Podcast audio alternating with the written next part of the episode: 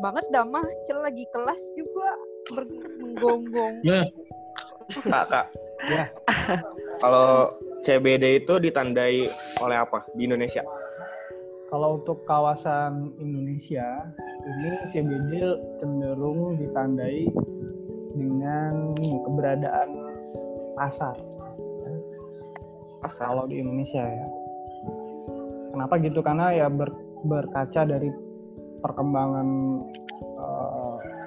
apa namanya kebudayaan atau peradaban di Indonesia, masing-masing kerajaan itu titik sentralnya selain istana kerajaan ya, ya aktivitas di pasar tempat buat orang ber eh, jual beli ngumpul gitu kan penanda keramaian sebuah wilayah Indonesia itu berawal dari pasar.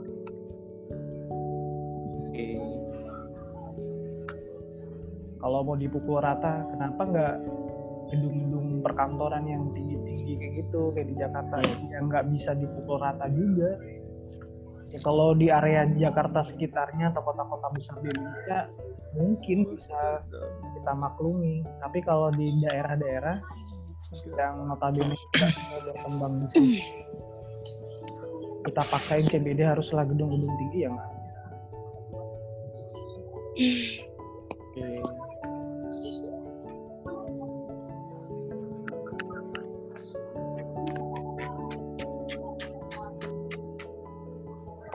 Oke, Nabil udah masuk. Oke. oh. Gimana Bil dapat berapa Bil? nggak tahu kak. Tenang aja, kakak mah tahu.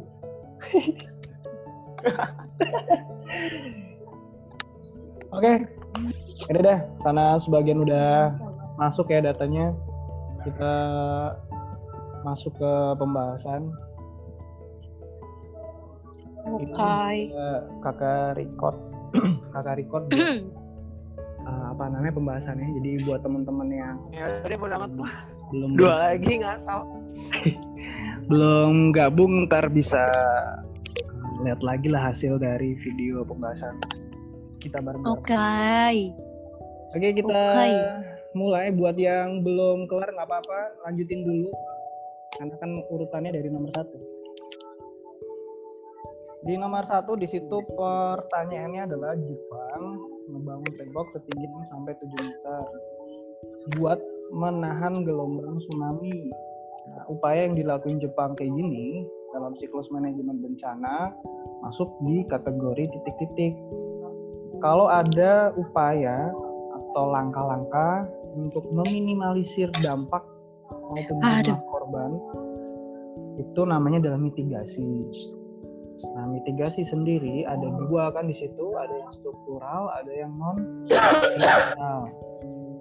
Yang non struktural itu berwujud himbauan, ya, ajakan, seruan, penyuluhan.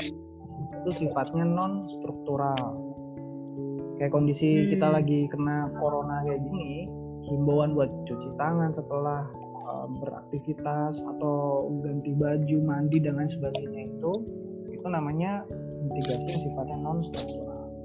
Untuk yang mitigasi struktural itu dapat berupa pembangunan uh, bunker, pembuatan tempat-tempat pengungsian, pembuatan bendungan, tembok, hal-hal yang berkaitan dengan infrastruktur itu arahnya ke yang struktural. Jadi kalau untuk yang nomor satu itu gini, berarti jelas-jelas jawabannya adalah yang struk. Yang E. Nah, ini yang E, mitigasi struktural. Mm-mm. Nah,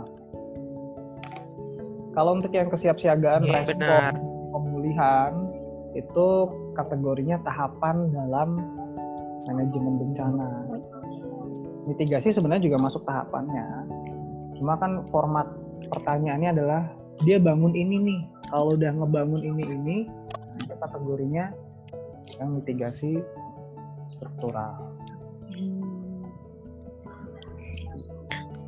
Oke, lanjut di nomor 2. Pertanyaan adalah struktur tanah itu sangat penting dalam bidang pertanian dikarenakan titik-titik. Wow, Eh, eh. tinggal 10 menit lagi guys. Berarti kita cepet. Struktur tanah itu berperan terhadap eh, level kesuburan tanah. Kalau kita ngelihat areal pesawahan yang kadang-kala dibajak sama petani, entah itu pakai traktor, entah itu pakai kerbau, itu dipakai ya membajaknya supaya struktur tanahnya baik. Nah, struktur tanah yang baik itu selain strukturnya gembur, juga struktur yang menghasilkan sirkulasi udara yang baik. Jadi kalau udah gembur, sirkulasi udaranya baik, maka pemanfaatannya untuk aktivitas uh, agriculture kayak gitu itu juga baik. Maka untuk yang nomor dua, struktur tanah itu dipandang penting bagi pertanian karena eh berpengaruh terhadap sirkulasi udara dalam Udara. tanah. Jadi nomor dua, eh lagi. Bener kan? No. Mantap. Yang nomor tiga, faktor di bawah ini yang berpengaruh terhadap jatuhnya hujan, kecuali ya, faktor yang berpengaruh terhadap jatuhnya hujan itu di antaranya adalah pertama, letak DKAT atau posisi matahari. Kedua adalah bentuk medan. Bentuk medan yang flat, yang datar, yang curam, yang berada di daerah pesisir, yang berada di daerah pegunungan, itu akan memiliki fenomena hujan yang berbeda. Tiga adalah arah angin yang sejajar dengan garis pantai. Empat, jarak perjalanan angin di atas medan datar. Jadi yang bukan adalah yang A, tutupan vegetasi. Mau di atas tanahnya itu tertutup oleh pohon anggur, ketutup sama pohon pisang, pohon manggis, pohon apa aja kaktus misalkan itu tidak berdampak langsung terhadap turunnya hujan di sana. Karena hujan itu turun dipengaruhi oleh itu tadi sama kondisi titik jenuh uap air di udara. Kalau udah lewat level batasnya ya jatuhlah hujan. Kalau udah sering disakiti jatuhlah air mata. Iya. Waduh. Wadaw. Quote of the day. Au. Oh, Akbar tuh, Akbar. deep ya. Oke, itu Akbar untuk sering yang nomor suka. tiga. Kita agak percepat karena tinggal dikit lagi. Terlalu seru kita di Oke. sini. Nomor empat negara di Asia Tenggara yang garis pantainya paling pendek. Kesampingkan yang Timur Leste karena sampai saat ini Timur Leste belum bergabung secara resmi dengan ASEAN gitu ya. Jadi pilihannya cuma Kamboja, Thailand, Myanmar. Nah dari keempat Vietnam, itu, eh. Kamboja. Thailand, Myanmar, Vietnam itu adalah negara-negara yang punya garis pantai eh, cukup panjang. Jadi tep- kalau terpanjang di ASEAN ya jelas Indonesia, di bawahnya ya itu tadi ada Thailand, Myanmar, Vietnam. Yang tergolong cukup Kamboja. pendek itu adalah Kamboja. Ah, Oke, Kak. ya. Di Iya, nomor benar. ini cukup mudah karena kan udah jelas ada clue-nya. Rumah yang besar dan bagus, yang mewah kayak gitu. Nilainya bisa berkurang kalau lokasinya dekat pemakaman. Ya. Jadi kalau suatu saat ada rumah mewah, sebelahnya kuburan, kalau mau dijual Kenapa, ya Kak? Biar inget mati kak sebelah kuburan. Subhanallah. ya kan orang nyari kondisi yang lingkungannya strategis dong dan nyaman lah. Nah ini konsep yang dipakai adalah konsep lokasi D.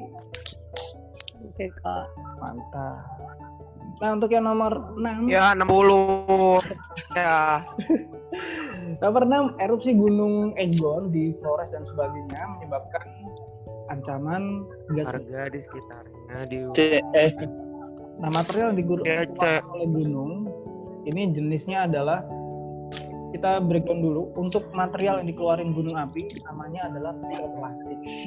Semua yang dikeluarkan gunung api namanya piroklastik. entah itu yang bentuknya padat, yang cair maupun yang gas. Yang padat itu dikenal dengan sebutan eflata. Yang cair itu dapat berwujud lahar, lava itu cair, dan yang gas ini kita kenal dengan istilah ekshalasi dapat berwujud gas sulfat, umaro, sulfat. Jadi kalau pertanyaan nomor 6 kan jawabannya yang C, ekshalasi. Iya apakah yang piroklastik apa? Piroklastik itu material yang dikeluarkan oleh gunung.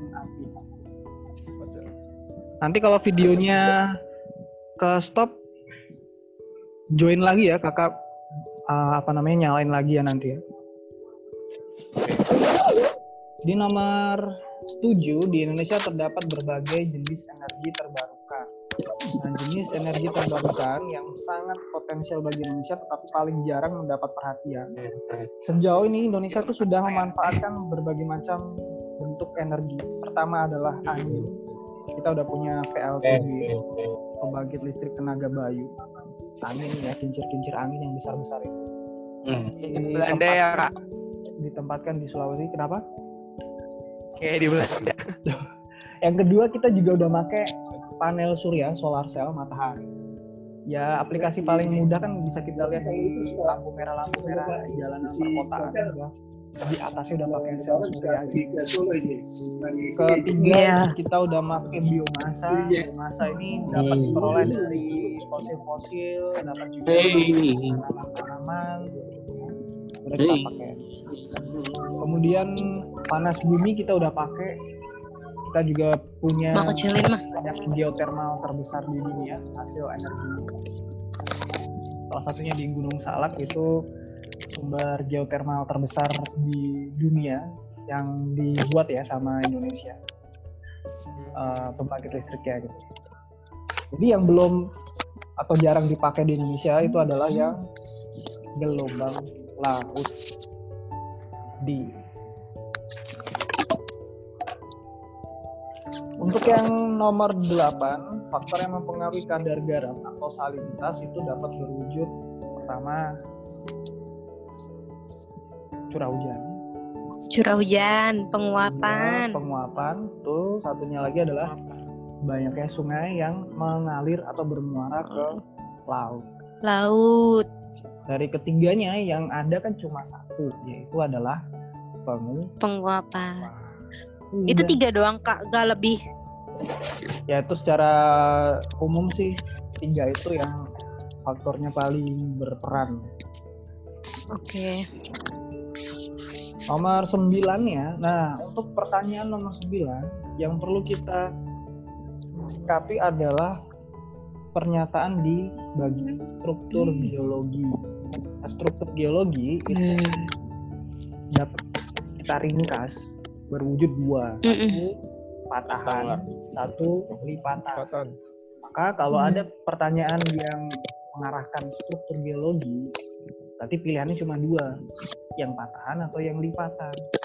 Dan Pola yang mengalir di daerah patahan, pola sungai yang mengalir di daerah patahan rektangular. adalah rektangular. Ah, sedangkan pola sungai yang mengalir di kawasan lipatan namanya adalah relis. Udah.